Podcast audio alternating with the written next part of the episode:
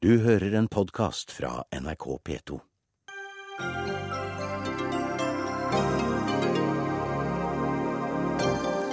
Alle andre utveier må prøves før Norge går til et så drastisk skritt som å stenge grensen ved Storskog.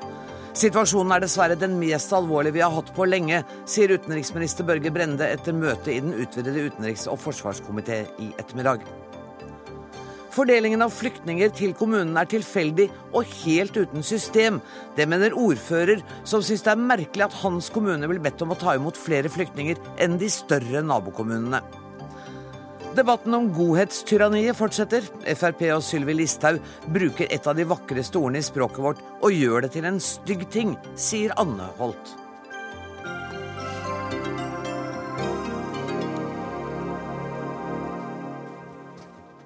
Dette er noen av sakene i Dagsnytt 18 der vi også skal snakke om tanke, tale og toleranse med filosof Henrik Syse. Men først. Regjeringen vil altså ikke stenge grensen til Russland alle andre, før alle andre utveier er forsøkt. Utenriksminister Børge Brende sier at en stenging av grensen vil føre til store komplikasjoner. Dette var også tema på møtet i den utvidede utenriks- og forsvarskomité, som hadde møte nå i ettermiddag. Velkommen, utenriksminister Børge Brende.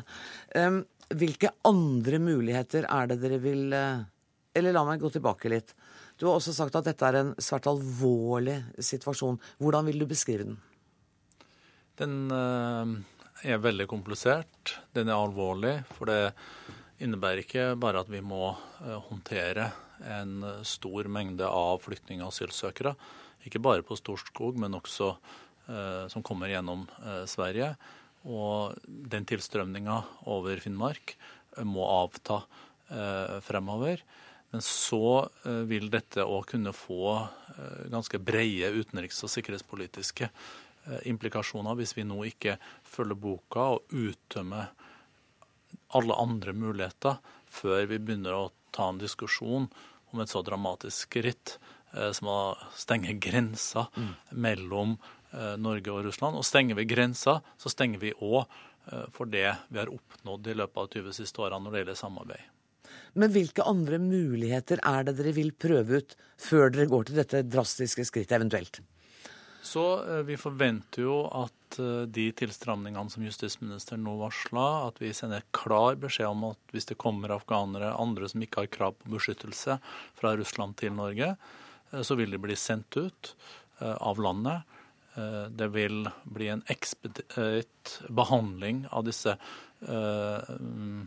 søknadene og det som er innlevert. Det tror jeg sender et sterkt signal til de som vurderer å ta veien til Norge fra Russland. Det er viktig å få frem. Her er det alle mulige nasjonaliteter som benytter denne muligheten. Det er mange i Russland som har kommet fra mange land. Så har vi både diplomatiske og politiske prosesser på gang for at Russland skal medvirke til at det blir større kontroll med hvem som de tillater å reise fra Russland og inn i Norge. De bør ha, skal ha gyldige innreisedokumenter. Der er vi i en dialog. Jeg snakka med utenriksminister Sergej Lavrov, jeg snakka med første viseutenriksminister Titov. Vi har i går hatt møte på høyeste diplomatisk nivå i Moskva, og vi håper at i nærmeste tid så skal vi bli enige om tiltak som vil redusere denne tilstrømninga. Unnskyld et enkelt spørsmål. Kunne ikke Russland bare gå tilbake til det som hadde vært ordinær praksis? Det, Nemlig å sørge for at reisedokumentene er gyldige før de slipper dem inn i Norge, og ikke stemple passene med at du nektes innreise i Russland de neste fem årene? Dette er jo de temaene jeg har tatt opp Ja. i mine samtaler, akkurat det du nå eh, nevnte. Men Russland òg er jo i den situasjonen at det er noe tusenvis av flyktninger og asylsøkere og andre som har tatt seg opp til Murmansk. Og de ønsker å komme over grensa. Og sånn som regelverket er i henhold til internasjonale konvensjoner og lignende, så har de jo krav på å få behandla asylsøknaden men, øh, din. Men det er riktig at øh, på deler av grensa til f.eks. Finland, så har de jo krevd gyldige innreisedokumenter før de har sendt de over. Men jeg leser jo i mediene i dag at det er jo nå også flere med ikke gyldige innreisedokumenter til Schengen som har blitt sendt fra Russland nå inn i Finland. Så Finland... Men det er jo fattigmannstrøst, utenriksminister. Det at det er like ille i Finland som det er i Norge. Det hjelper jo ikke vår situasjon. Det viser at uh, den praksisen, uh, kan du si den nye praksisen, uh, er ikke bare noe som vi i Norge står overfor, men det er òg slik at Finland må forholde seg til dette. Men jeg mener at vi har en dialog nå med Russland som er av en sånn karakter at vi må uttømme alle de mulighetene, og forhåpentligvis så kan vi nå frem til et resultat.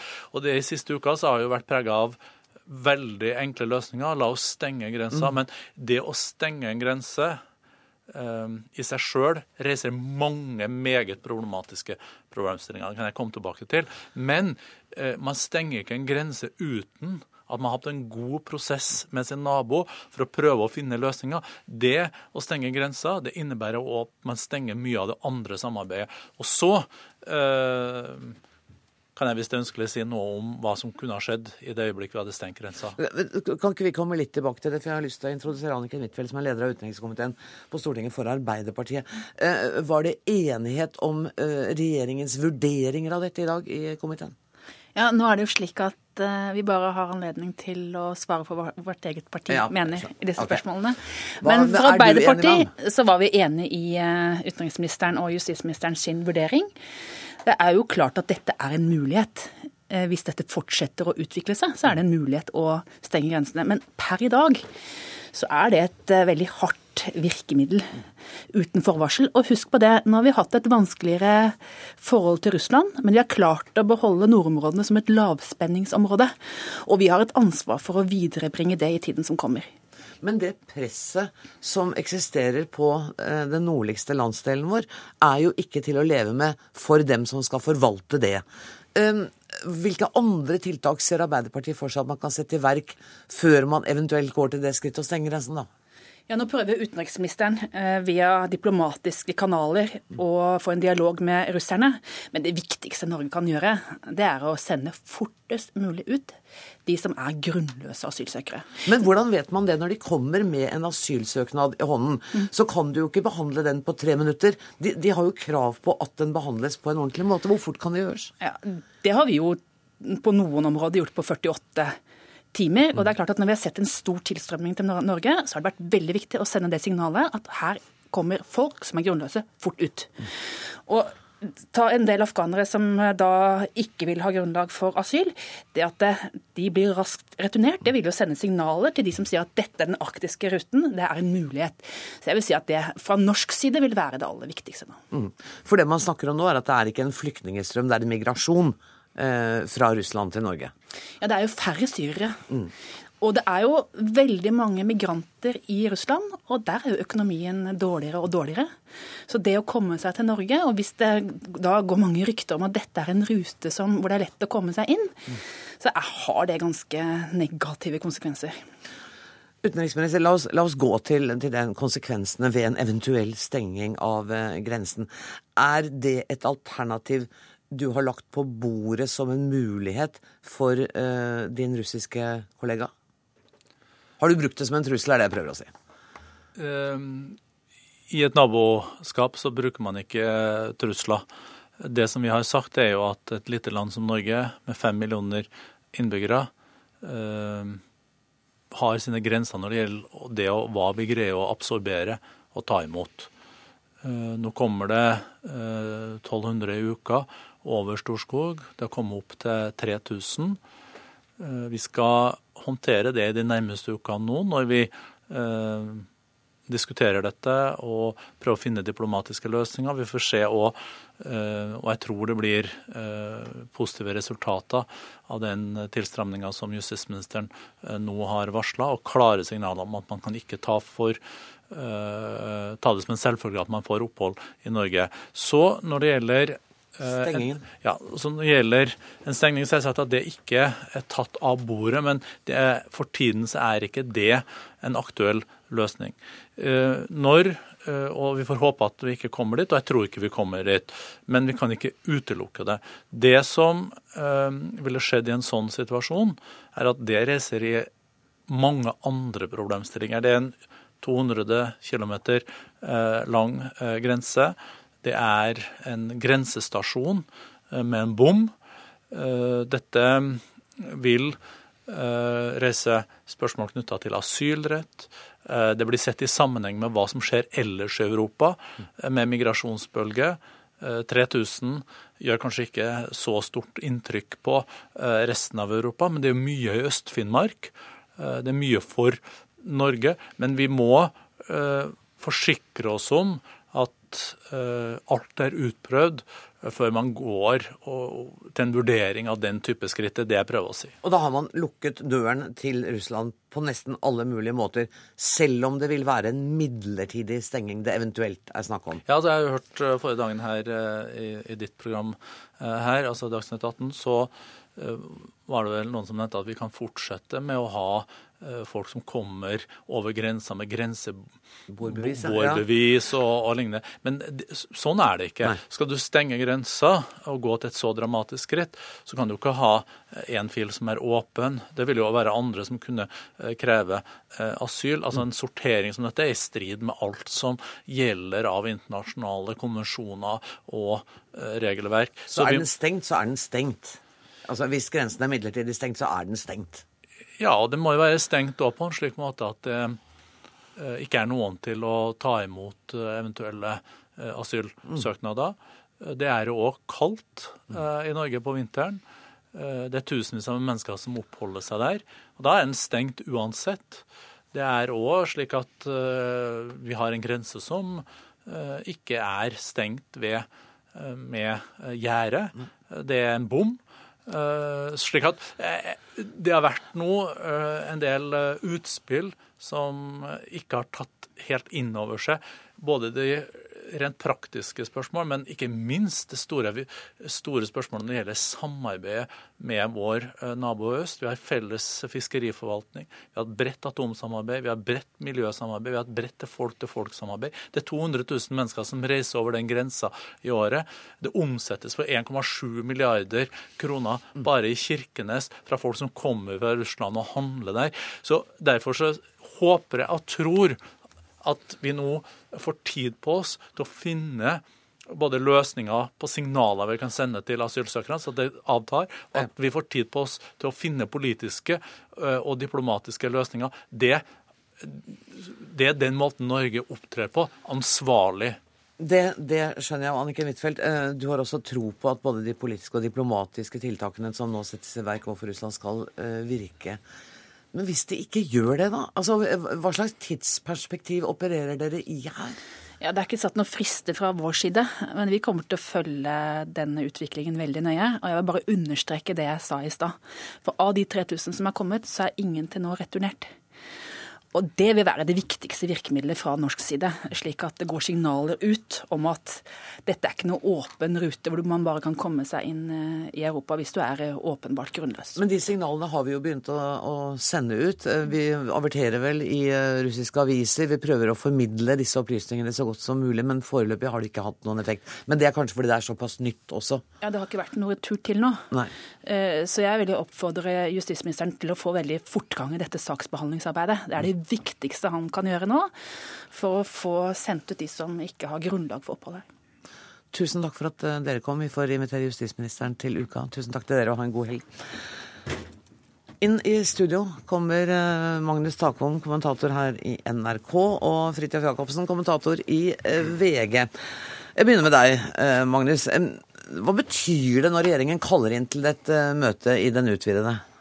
Det er eh, en arena der de har eh, mulighet til å orientere Stortinget eh, i fortrolighet om utenrikspolitiske spørsmål som er viktige. Og det er jo i aller høyeste grad en veldig kritisk situasjon som har utviklet seg når det gjelder grensepasseringene i Finnmark. Mm.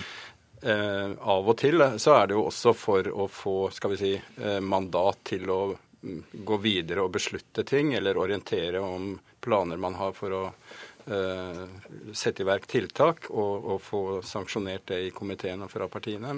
Men som vi skjønte, så var dette mer snakk om, om en orientering, og da selvfølgelig tilbakespill fra partiene om hva de mener om situasjonen. Eh, det har vært eh, sitert et nettsted i nettavisene i dag om at man ville komme til å stenge grensen. Var du overrasket over at regjeringen ikke gikk til det skrittet?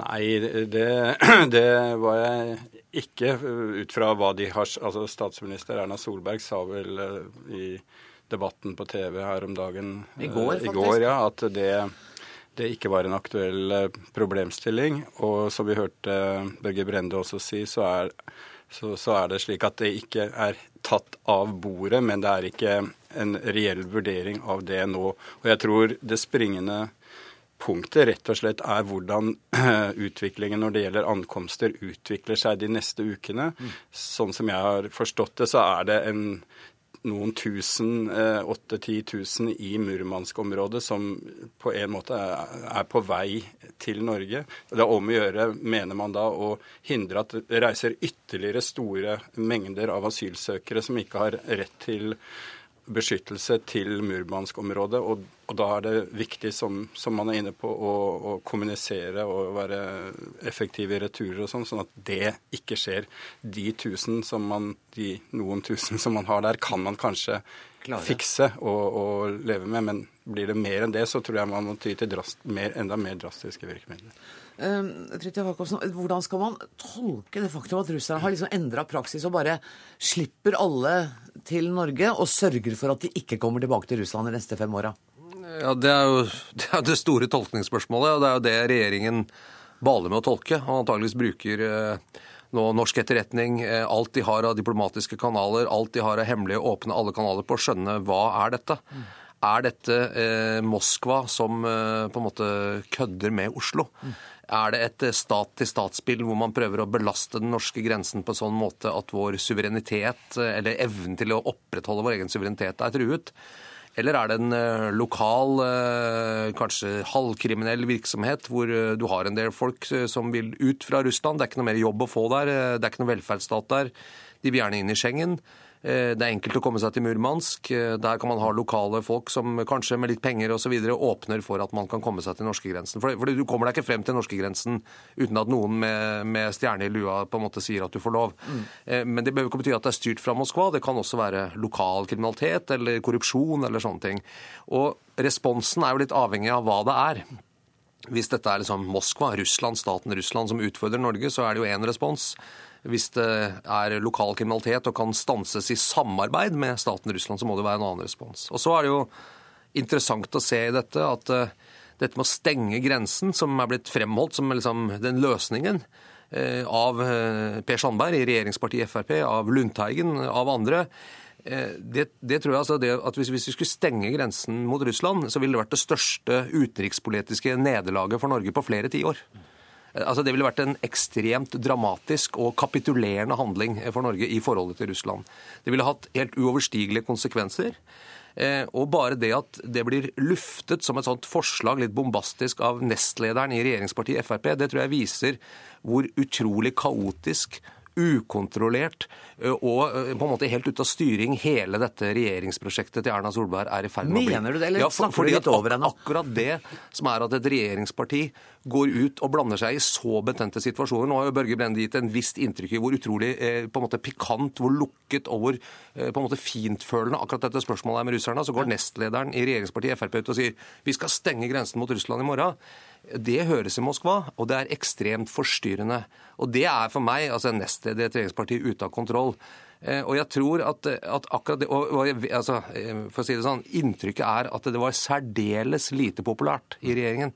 Og det var ille nok på en måte for dem at Lundteigen sa det, eller at Jonas Gahr Støre sier i Klassekampen at dette kan være Norges skyld med forhold til Russland og sånn, men akkurat det er jo nesten en slags sånn altså det, det, er å blande seg i ting man ikke skal gjøre. Og det mener jeg, da, da mener jeg vi kan si at det er ute av kontroll. Ja, jeg skal for ordens skyld si at vi har invitert Fremskrittspartiet til å være med i Dagsnytt 18 i dag, men der var ingen som hadde anledning til å, å komme. Men, men Fridtjof Jacobsen er jo, leder oss jo nå tilbake til det som er det store konflikttemaet her hjemme, nemlig det store asylforliket. Og der har det, det har vært litt forvirring. Jeg har i hvert fall ikke helt klart å skjønne hvor Fremskrittspartiet egentlig står der nå, Takvam?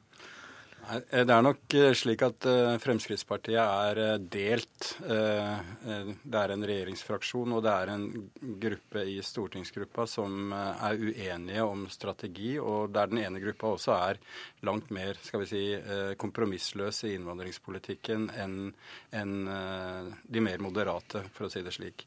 Alt dette har ført til at, uh, som vi har vært vitne til de siste dagene, en slags snuoperasjon fra Frp, der uh, de etter gruppemøter og osv. har nedsatt en egen liten gruppe med Per Sandberg, Christian Tybring-Gjedde og blant andre, som skal utarbeide sin liste av forslag til innstramminger, og så i dialog med Høyre fremme det for de andre partiene.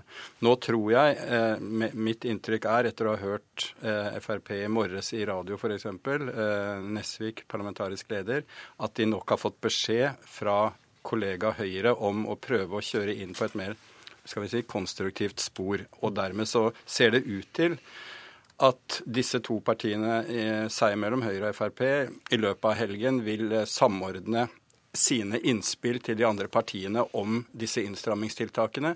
Forhandle da først med Eller fremme de for Venstre og KrF, og så de øvrige partiene. Og så kommer det på en måte inn i en sånn skal vi si, mer normal politisk prosess. Et ryddigere spor ja. over helgen, for det har vært litt forvirring. Jacobsen, I går så satt Jonas Gahr Støre, han hadde skrevet på Ytring, og han satt i dette studio og sa at uh, dette er Erna Solbergs ansvar, fordi hun på en måte lar seg presse av Frp på tvers av det hun egentlig mener. Er det en riktig analyse? Det, det, ja, jeg, jeg syns Støre var en ganske brutal analyse, men jeg, men jeg, må si at det er ganske mye der som, jeg, som var lett å kjenne igjen. Eh, og så var det en annen ting verdt å merke seg der. Han ga jo også uttrykk for at Arbeiderpartiet var åpne for ganske betydelig innstramming i asylpolitikken. For det kom liksom litt lenger ned. Men, men altså når vi hører om prosessen som Magnus Akvam her beskriver, så er jo det en ganske alminnelig politisk prosess som man kunne hatt om et operahus og forskjellige posisjoner og frem og tilbake, og et spill og et hestehandel og mange forskjellige ting.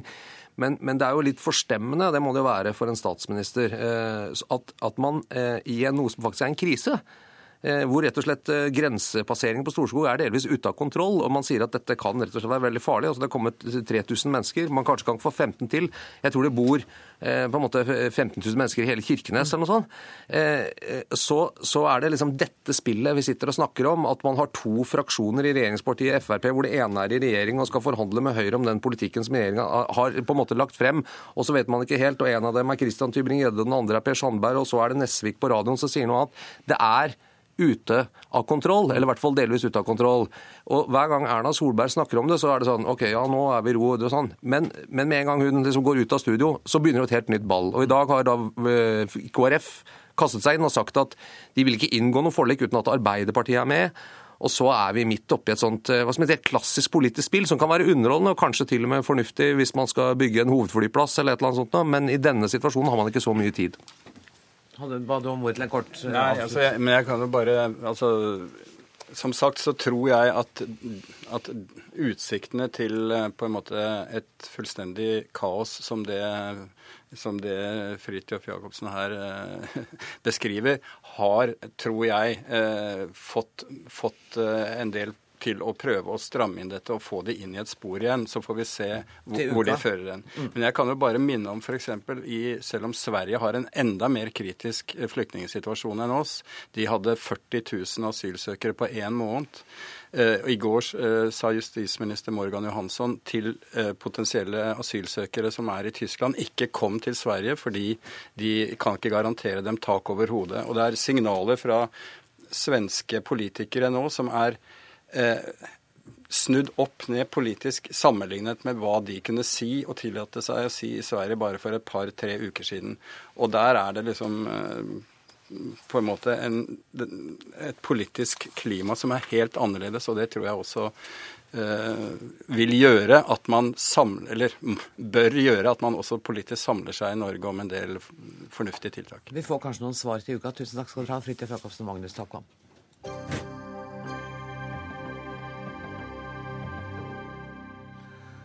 Nå skal vi snakke om flere konsekvenser av flyktningstrømmen til Norge. For Inkluderings- og mangfoldsdirektoratet ber landets kommuner bosette 18 000 flyktninger og asylsøkere neste år. Det viser vedtaket som blir lagt fram i ettermiddag.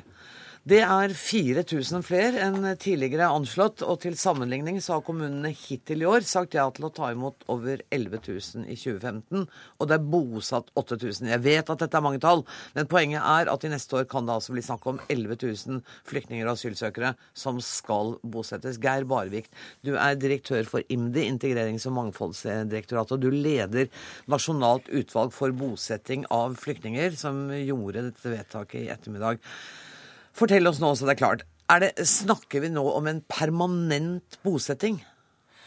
Vi snakker om de som har søkt om asyl i Norge, og som har fått sin sak behandla av UDI og fått oppholdstillatelse i Norge. Så er det sånn at Den vanlige måten å få oppholdstillatelse på, det er at det er midlertidig for tre år. Og så eh, kan saken prøves igjen, eh, og om da vilkårene for opphold er endra, så, så, kan du da bli sendt ut. Mm. Hvor ofte? Det skjer ikke ofte? Det skjer ikke ofte. Nei, og så ligger det nå forslag fra regjeringen til behandling i Stortinget om å utvide den tiden til fem år. Men, Men praktiske betydning har ikke så stor å si, fordi det er oppholdstillatelse som betyr noe. Og kommunene skal bosette de som har fått opphold. Mm. Og det er de tallene vi snakker om. Og når du sa 11 000 eh, i 2016, ja, så er det 18, det var 18 000. Det er 18 000. Jeg sa 18 000. Ja. Bodsette bosetter 18 000 neste år. Ja. Og så sa jeg at uh, til sammenligning har kommunene hittil i år sagt ja til å ta imot 11. Var det riktig da? Det var helt riktig. Men uh, tilbake til dette med uh, hva de skal bosettes til. fordi at vi hører jo stadig om Er det nesten 5000 som fremdeles sitter som har oppholdstillatelse, mm. men som sitter i midlertidige mottak? Mm. og har sittet der i mer enn tre år. Eh, er du redd for at det der kommer til å akselerere, at vi får et problem med at folk ikke kommer i permanent bosetting? Det er helt klart at med de veldig store ankomstene vi nå har til Norge, mm. og at eh, UDI må behandle hver sak og selv om nå UDI får styrka sine ressurser og får ansatt flere saksbehandlere, så vil det jo være begrensa hvor mange som de får behandla, og av de så vil ikke alle få opphold. Og Det er det som gjør at vi også kan eh, lande på et tall som 18 000. Mm. Altså Det er med utgangspunkt i de ressursene som UDI har tilgjengelig til å, å, å saksbehandle. Det, det, er klart at det vil være mange som vil sitte lenge i mottak. Og så må jeg bare ha en kommentar. De 5000 som sitter og venter ja, for det er ca. 5000, eller? Eh, prognosen nå, ja, det er det. Men vi, prognosen nå at det vil gå ned mot 4000 når vi kommer ved, ved årsskiftet. De, disse har ikke sittet i tre år. Ah, eh, snittiden er åtte måneder. Ah, okay. Og disse får vi ut. Disse 4000 får vi ut i løpet av de første månedene i i, i 2016. Okay. Eh, men, Så snittiden er åtte måneder? Da har jeg ja, bare, for jeg syns ja. at jeg har hørt i den politiske ja. retorikken at man snakker om at folk har sittet årevis. Det er altså ikke riktig. Noen, men ytterst få. Uh, vi skal snakke med Robin Koss, som er ordfører i Porsgrunn for Arbeiderpartiet. Koss, hva syns du om fordelingen av flyktninger mellom kommunene som IMDi gjør gjennom sine anmodninger om mottak? Eh, vi i eh, kommunene kommer til å gjøre alt det vi kan for å eh, bosette i tråd med det antallet som IMDi mener er nødvendig. Men det som vi savner, og det måtte føyer seg inn i rekken av det kaoset som vi ser fra regjeringen nå, er at man klarer å beregne en fordeling mellom kommunene. Det har IMDi ikke klart, og min kollega i Skien har tatt opp dette med regjeringen og fått høyst eh, diffuse svar. Eh, vi ser i vår del av landet at det at eh, f.eks. kommuner som Skien og Porsgrunn blir bedt om å ta imot dobbelt så mange som kommuner som Larvik, Sandefjord, Tønsberg. Det er veldig vanskelig å forklare når vi er kommuner som er tilsynelatende helt like. Ser man på andre deler av landet, f.eks. nord i landet, så blir en kommune som Eh, Vadsø bedt om å ta imot 90, eh, mens en like stor kommune i syd som Svelvik blir bedt om å ta imot 15. Eh, og Når dette også blir kobla opp mot hvor mye man får betalt per flyktning, så betyr det at de flyktningene som er så uheldige å bli sendt til en kommune med et høyt krav fra MDI, mindre penger som følger med seg. Men du, Kanskje Geir Barvik kan forklare det? Du sier at det er vanskelig å forklare, men kanskje kommer en forklaring? Først må jeg si at uh, Porsgrunn og Skien er eksempler på kommuner som har gjort en formidabel innsats i å bosette flyktninger. Og det var tidlig ute med å, å øke antallet til høyt nivå, altså for flere år tilbake. Og vi er veldig oppmerksom på at over tid så har det blitt en skjevhet. Mm. Dette vil vi nå gjøre noe med. Eh, og nettopp Porsgrunn og Skien er eksempler på kommuner som vi ikke nå kommer til å øke så mye antall eh, vi forventer at de skal bosettes, eh, altså disse 18 000 når de skal fordeles. Og så vil vi øke mer i, på, på, indre østlands, og på østlandsområdet. Nettopp fordi at dette er blitt tatt opp av Skien og av Porsgrunn. Og, og Koss, veld... Robin Koss, dette er jo gladnyheter for deg, det. Det er jo bra Er du ikke man... glad du var med i Dagsnytt 18 i dag, så kunne rydde opp i dette her for deg? Jo, men dette er noe som vi har eh, tatt opp med regjeringen over eh, lang tid. men nå vi, fikk du jo et tydelig svar. Mm.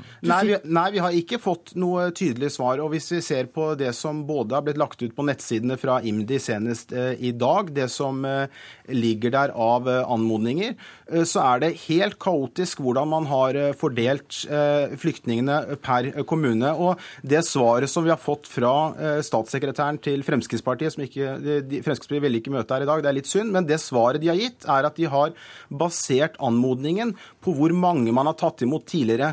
Eh, og når da man har tatt imot mange før, slik som f.eks.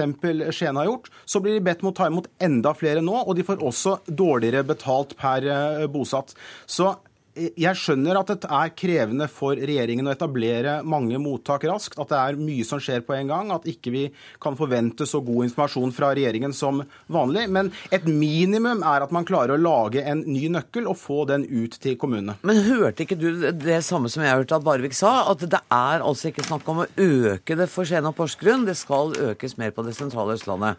Jeg hører det han sier. Men du tror ikke noe på den?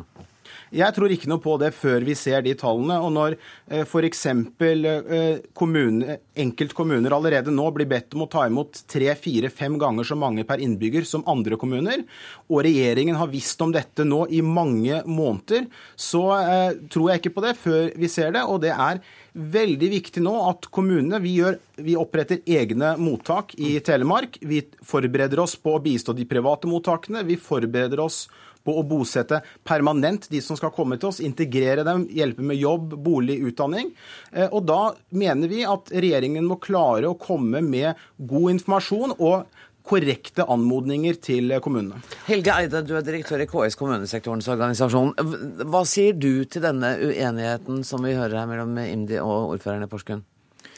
Det er en uenighet som dreier seg om fordelingen av, eh, av eh, flyktninger. og Jeg skjønner veldig godt eh, frustrasjonen både til ordføreren i Skien og ordføreren i Porsgrunn, nettopp siden de er eksempler på kommuner som virkelig har gått foran gjennom mange år og, og, tatt og sagt ja til et høyt antall flyktninger og gjort en solid jobb for å, for integrere. Så, så syns jeg at man skal ta folk på sine ord.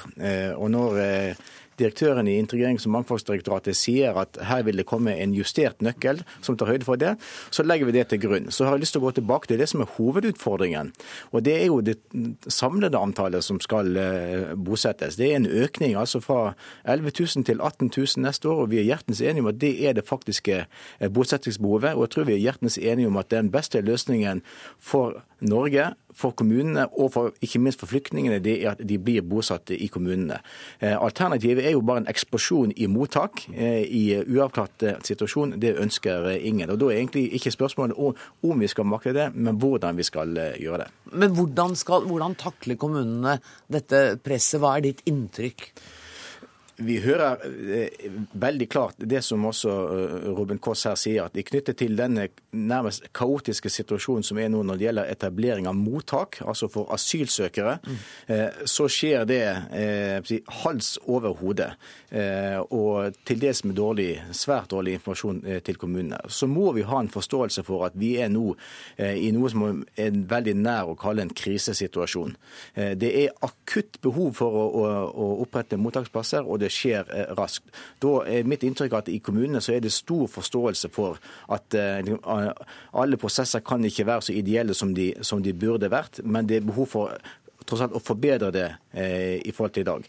Så, men så er jo neste utfordring er jo at når da eh, man etter eh, åtte, ni, ti måneder eh, saksbehandlingstid i UDI da får godkjent opphold, det vil de aller fleste få, så skal de bosettes. Det er egentlig hovedutfordringen. Fordi Da starter, starter integreringsarbeidet.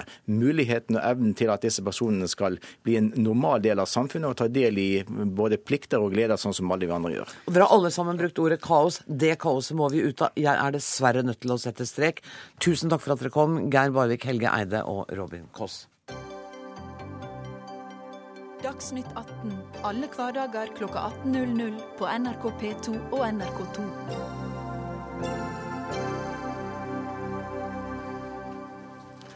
Er nordmenn så opptatt av å fremstå som gode at vi får skylapper eller er det nettopp nå, i en ekstraordinær asylsituasjon, at vi må droppe bruken av ord som innstramming og hente fram det ekstra gode i oss?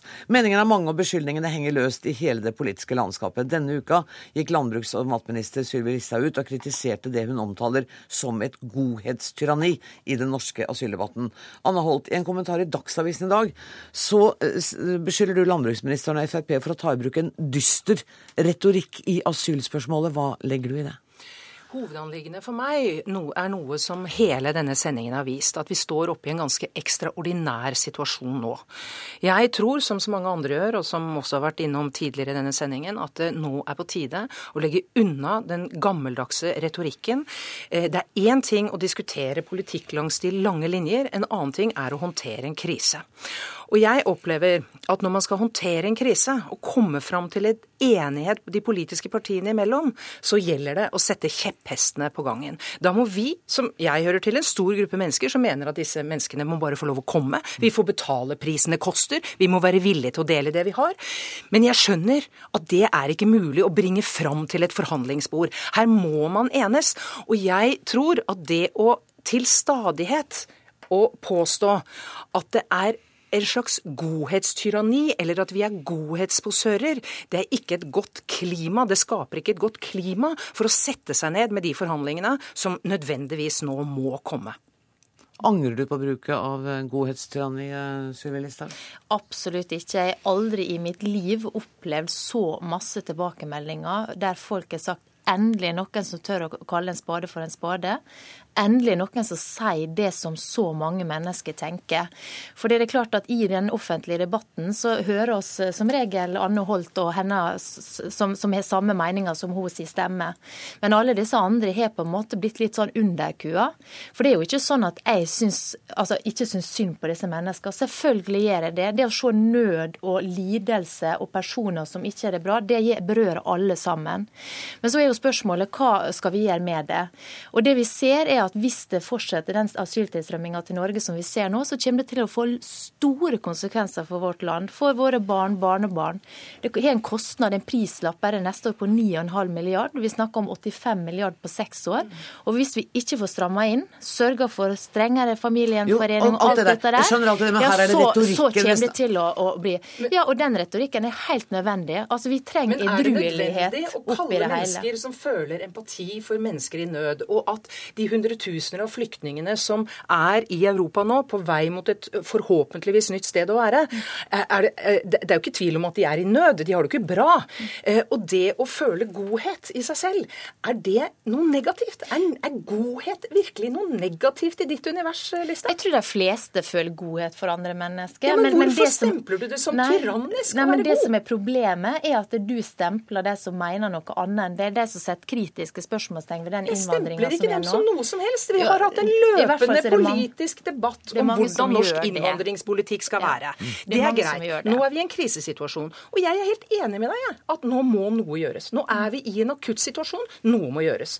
Men for at det skal kunne gjøres, for at Norge skal kunne unngå å komme i den situasjonen som f.eks. vi hørte tidligere i sendingen, at Sverige nå er kommet inn, at de bokstavelig talt ikke kan by på tak over hodet, så må man sette seg ned å snakke sammen. Mm. Mens det dere gjør i Frp, det er at dere bombastisk, ikke én gang, ikke to ganger, men flere ganger denne uken, sier at det kommer ikke på snakk å bli enige om noe annet enn det vi har foreslått. Det syns jeg er en tilnærming til en forhandling som gjør meg veldig bekymret over hvordan vi skal løse dette for Norge, og ikke minst for flyktningene, enorme problemene vi står overfor. Nå er det på Stortinget de forhandler, så jeg skal ikke blande meg inn i det. Men det som er viktig for meg, det er å få fram den bekymringa som mange føler i denne diskusjonen. Men den deler hele få... Norge nå? Ja, nettopp. Det... Ja. Men disse stemmene her har på mange måter blitt uh, sjalta vekk. Fordi Når det... og hvor? Ja, Det er jo hele veien, det. Nei, tvert imot. De høres jo hele tiden. Det, det har jo vært ført en innvandringsdebatt i Norge i mange mange år, og alle blir hørt. Jeg har snakka med veldig masse folk som sier det. Snakker om disse tingene. Sier de er bekymra for framtida, de er bekymra for ungene sine, de er bekymra for velferdsordninger, de er bekymra for velferdstjenester.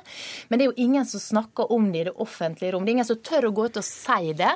Og det er fordi at det har vært et debattklima eh, etter sommeren der det har vært en sånn kamp om å være ha mest mulig godhet, og det betyr å ta imot flest mulig mennesker. Dette er det ikke en konkurranse om å være god. Det jeg forsøker det å si Nei, det har aldri jo, vært noen som går Det du sier, det er at mennesker som mener at vi skal ta imot andre mennesker i nød, gjør det fordi de vil skryte av å være gode. Det er det du påstår. Ved å bruke et ord som godhetstyranni, så påstår du at jeg og mange med meg skryter av praler med å være gode. Det, det, som er problemet, er at man rakker ned på de som mener det at det må strammes inn. Men kjære og det er det som er vi har jo hatt en løpende debatt om dette i mange bra, år. Og så er det bra at nå er jo snart alle på det sporet at de ser at vi må stramme inn.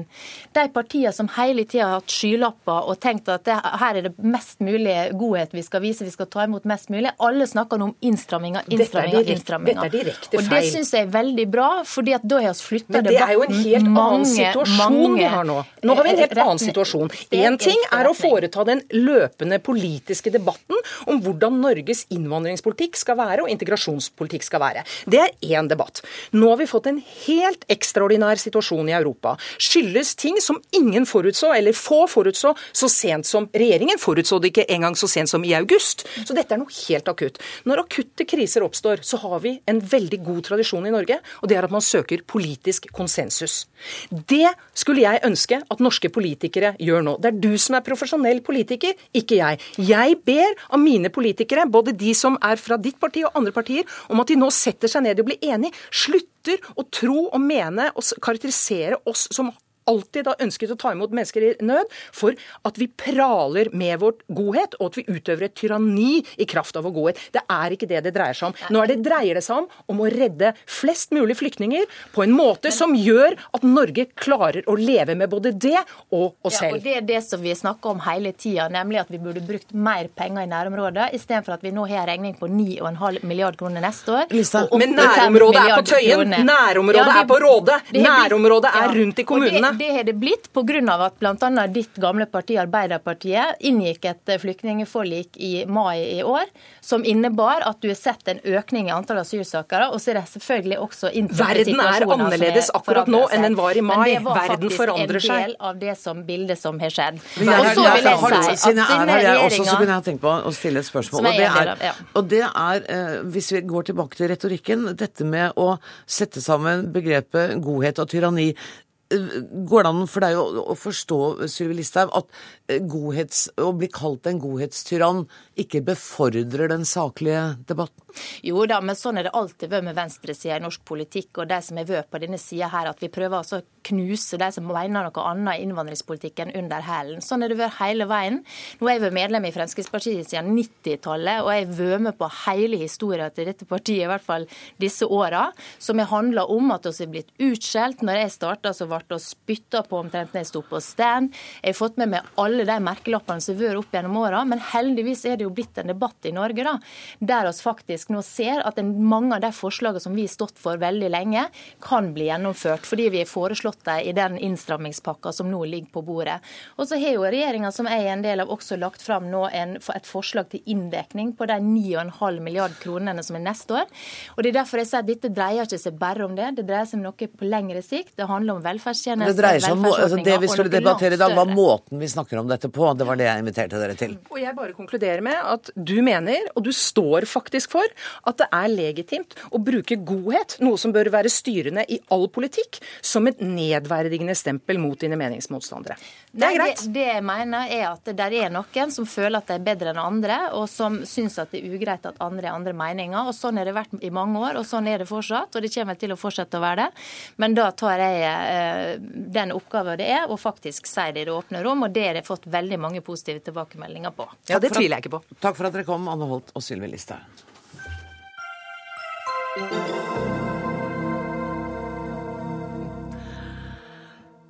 Og hjertelig velkommen, eh, Henrik Syse. Vet du hva, jeg hadde, Før jeg gikk i studio, så skrev jeg en innledning hvor det sier er det norske ytringsklimaet for snilt? Etter å ha hørt den debatten her, så er jeg nærmere ikke sikker på om det er det. Nei, jeg tror ikke det. Jeg tror ikke det. Og vi trenger et ytringsklima med spenning, ikke minst når vi diskuterer viktige ting. Mm. Da har vi jo sterke meninger og vi skal få lov til å ha sterke meninger. Men det kan jo være grunn til å ha en viss kontroll med det ytringsklimaet likevel. Tenke litt gjennom det. Ja, ikke sant. Eh, I boka 'Det vi sier til hverandre' om tanke, tale og toleranse, så bringer du til torgs både liksom, hvordan du og jeg snakker sammen, men også i de store eh, samtalene. Og det som jeg liker veldig godt med den boka, er at du også bringer inn deg sjøl. Og du sier at du noen ganger eh, har blitt karakterisert som en snill debattant, eller at du velger snillhet. Og det tar du ikke som en kompliment. Nei, jeg ser at det som da man noen ganger i realiteten anklages for, er at man er litt utydelig. Man har egentlig noe mer man ville si, men man tør ikke helt. Det jeg ønsker, er jo å skape et rom hvor man faktisk trives sammen, også når man er uenige. For så vidt klarer vi jo godt det her. Jeg tror det ofte er avhengig av gode ordstyrere, som deg. Det er avhengig av respekt. Nå har jeg sittet utenfor her og hørt de forskjellige debattantene snakke med hverandre før og etter debatten. Det er gemyttlig, det er ordentlig, det er mennesker som respekterer hverandre. Og sånn tror jeg skaper også bedre debatter om de virkelig vanskelige tingene, hvor vi ikke skjeller hverandre ut. Og det som da er litt skummelt, er at i det øyeblikk vi ikke ser den andre i øynene, det øyeblikk vi kan skrive anonymt på nettet, da kommer utskjellingen. Og jeg er opptatt av at den skal være lovlig innenfor visse ganske vide grenser, men vi skal kjempe mot den likevel.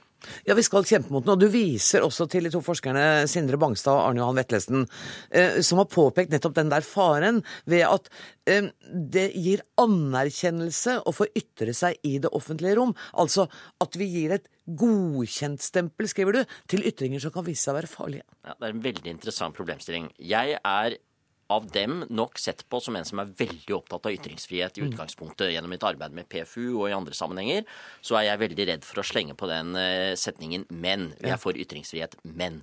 Og samtidig har de et veldig viktig poeng. For hvis vi ikke tenker gjennom ja, hvordan skal vi møte sånne ytringer? Hva syns vi egentlig om dem? Hva slags ytringsklima ønsker vi? Nå har vi altså den store migrasjonskrisen i Europa. Hvordan snakker vi om hverandre og om andre mennesker da? Og det er en utrolig viktig debatt å ta. Så denne boken min, og takk for det du sa om den, den er jo en sånn balansegangsbok hvor jeg forsøker å holde begge disse idealene høyt oppe. Ytringsfriheten og ansvaret og etikken. Det er ikke lett. Eh, Men som du også sa, jeg tror det handler om mer enn bare aviser og Dagsnytt 18. Det handler jo om hvordan vi snakker med hverandre i det daglige òg. Og det syns jeg er så bra med den boka, at den ikke er skrevet for filosofer, men, men for folk som meg, som er opptatt av disse tingene. Og, og da er du borti det som jo i en journalists eh, arbeid er en hverdag, nemlig hvor går skillet mellom ytringsfriheten og ytringsansvaret? Når er det jeg i utilbørlig grad sensurerer meg selv? Nå er jo dere journalister ofte filosofer, dere òg. Nettopp fordi dere bare ved å stille spørsmålet er du en filosof. Men det er veldig interessant det du sier. For nettopp to av ordene du bruker, ytringsansvar og sensurere seg selv, eh, det er ikke et ord, men et uttrykk, det oppleves av mange mennesker som negative uttrykk. For da er det nettopp akkurat som vi sier, ja, men du må jo holde litt igjen, og så slipper vi ikke frem de provoserende stemmene. Jeg tror jo at både ansvar og en viss grad av selvsensur er helt nødvendig. Det er jo det vi gjør hele tiden. Hvis jeg møter et menneske som er ordentlig lei seg, um, hva slags ord bruker jeg til og om vedkommende? Om jeg så er veldig uenig med vedkommende, så tenker jeg jo litt gjennom ja, hvordan ordlegger jeg meg. En redaktør hver eneste dag i en avis tar jo og sensurerer ved å si nei, dette leserinnlegget trykker vi ikke.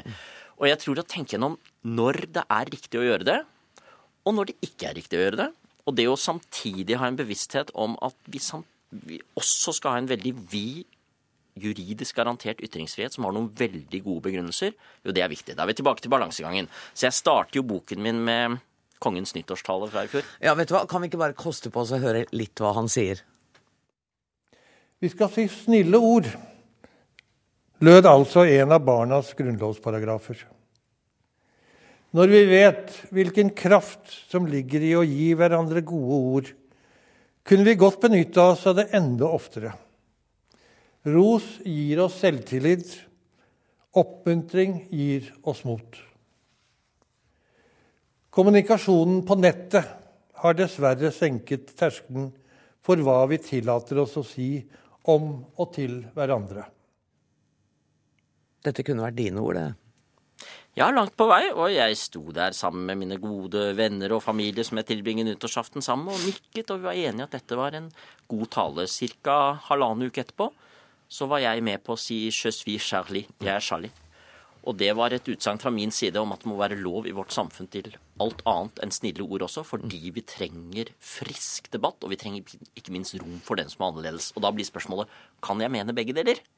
Eller vil det ene budskapet komme i veien for det andre? Og det er da et intenst forsøk fra min side i denne boken på å holde begge disse fanene høyt på en gang. Ja, og du gjør jo det ved å si at vi må møte eh, dem som sprer hat, eh, med å danne koalisjoner eller grupper av folk som er villige til å bruke tid og krefter på dette.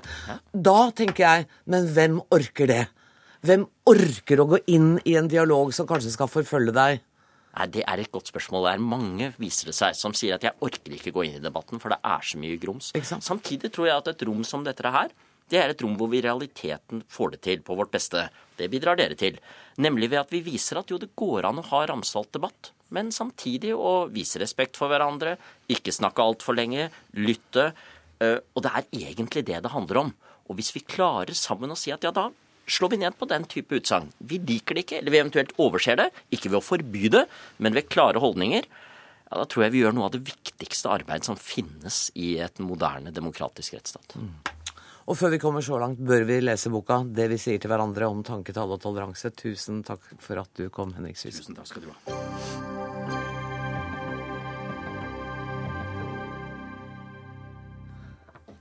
Han kalles den siste kongen av Roma, men ble satt ut av spill da han ble arrestert i fjor. Nå er rettssaken mot Massimo Carminati, lederen av Mafia Capitale, i gang. Mafiagruppen har i årevis tappet Roma for offentlige euromillioner. Flere toppolitikere står tiltalt sammen med Carminati i saken, som er blitt en skandale for den italienske hovedstaden. Simen Ekern, du er forfatter og journalist. Du er i Roma nå. Carminati og hans mafiakapital har altså drevet Roma i kne.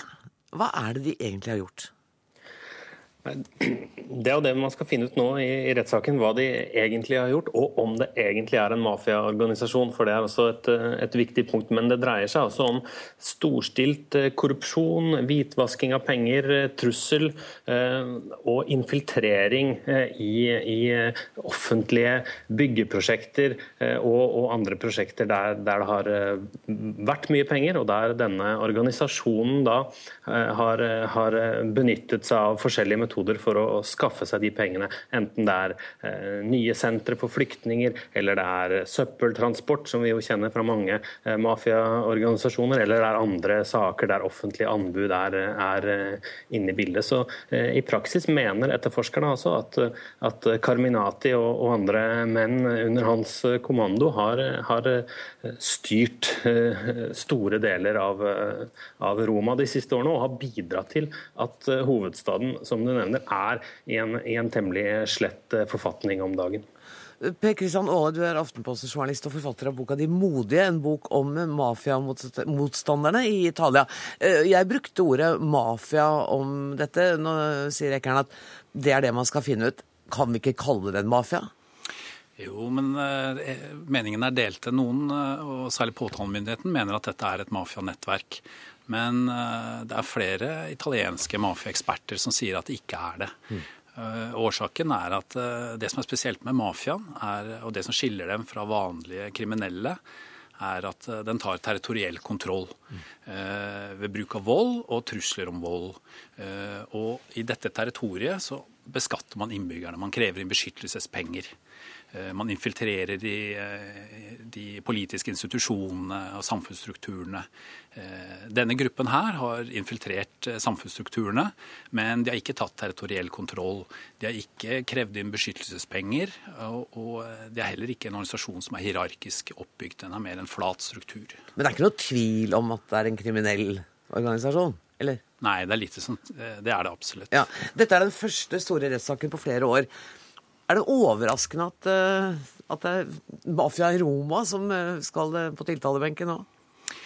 Både og. Det er overraskende at, eh, at, det er en helt ny mafiaorganisasjon som har kommet til. Og det er overraskende hvor langt inn i maktens korridorer de har klart å, å komme. Altså Kanskje helt inn til borgermesterens kontor. Men det er ikke overraskende at mafiaen er i Roma. Uh, I den siste um, anti, eh, rapporten fra det italienske antimafiapolitiet, så heter det at eh, den italienske mafiaen nå er en trussel i alle regioner. I, alle regioner? I alle regioner. Og da særlig den kalabresiske mafiaen som heter den Drangheta. Og De siste årene så har det vært flere kommunestyrer også langt oppe i Nord-Italia som har blitt eh, avsatt fordi at det har vist seg at det har vært infiltrert av mafiaen. Og I Roma så har det vært flere tilfeller de siste årene der eh, myndighetene har gått inn og konfiskert restauranter, kjente restauranter, fordi det viste seg at mafiaen eide dem.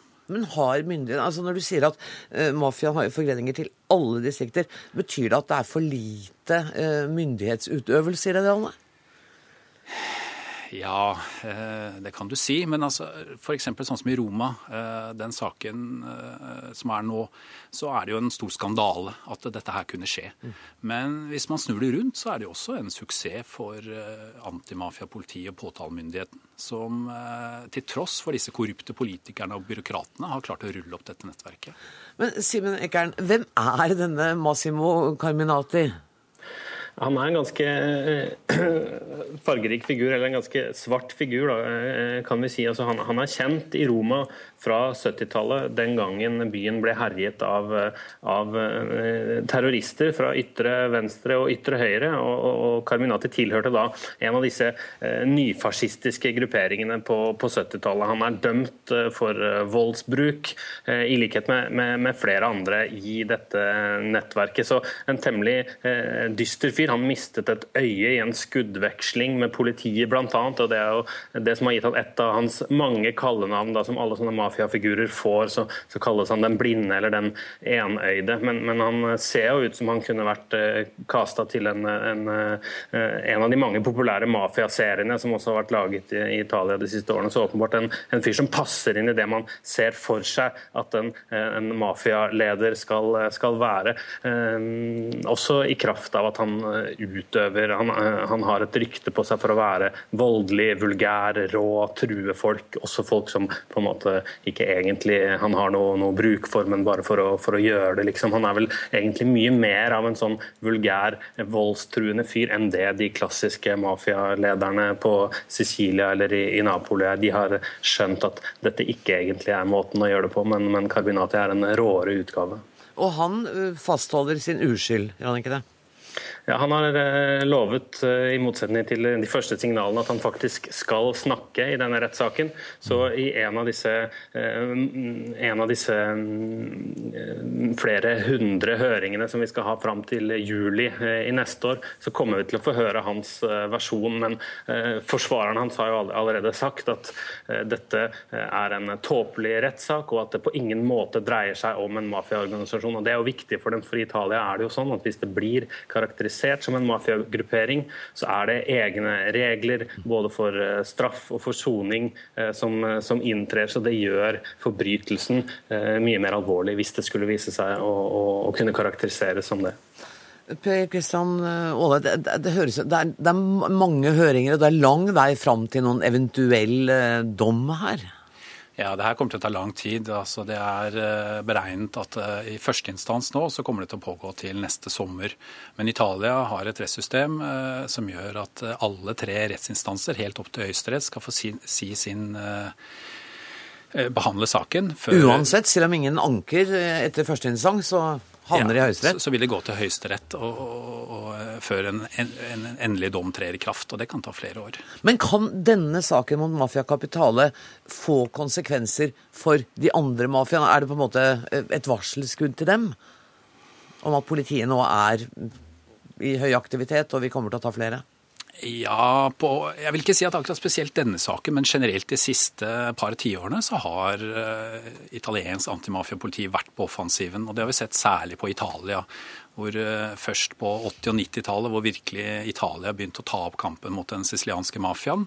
Uh, og i dag ligger jo den sicilianske mafiaen med delvis brukket rygg. Altså den er fortsatt gjeldende, men ikke lenger like sterk. Og de siste årene så har også Italia virkelig begynt å ta opp kamp mot den kalabresiske mafiaen, som i dag er kanskje den sterkeste mafiaen i Italia. Og de som kjemper mot denne mafiaen, har du også beskrevet i boka, de modige, og de setter jo ofte også sine egne liv på spill for å utføre denne kampen. Jeg må avrunde og si takk til deg, Per Kristian Aale, og til Simen Ekern, som er i Roma, for denne introduksjonen til mafiarettssaken, som starter altså i Roma. Og da må jeg si at det er slutt på Dagsnytt 18 denne fredagskvelden. Ansvarlig for sendinga i dag var Ida Tune Øritsland. Det tekniske ansvaret har eh, Hanne Lunås. Jeg heter Anne Grosvold, ønsker dere en god helg og på gjenhør på mandag.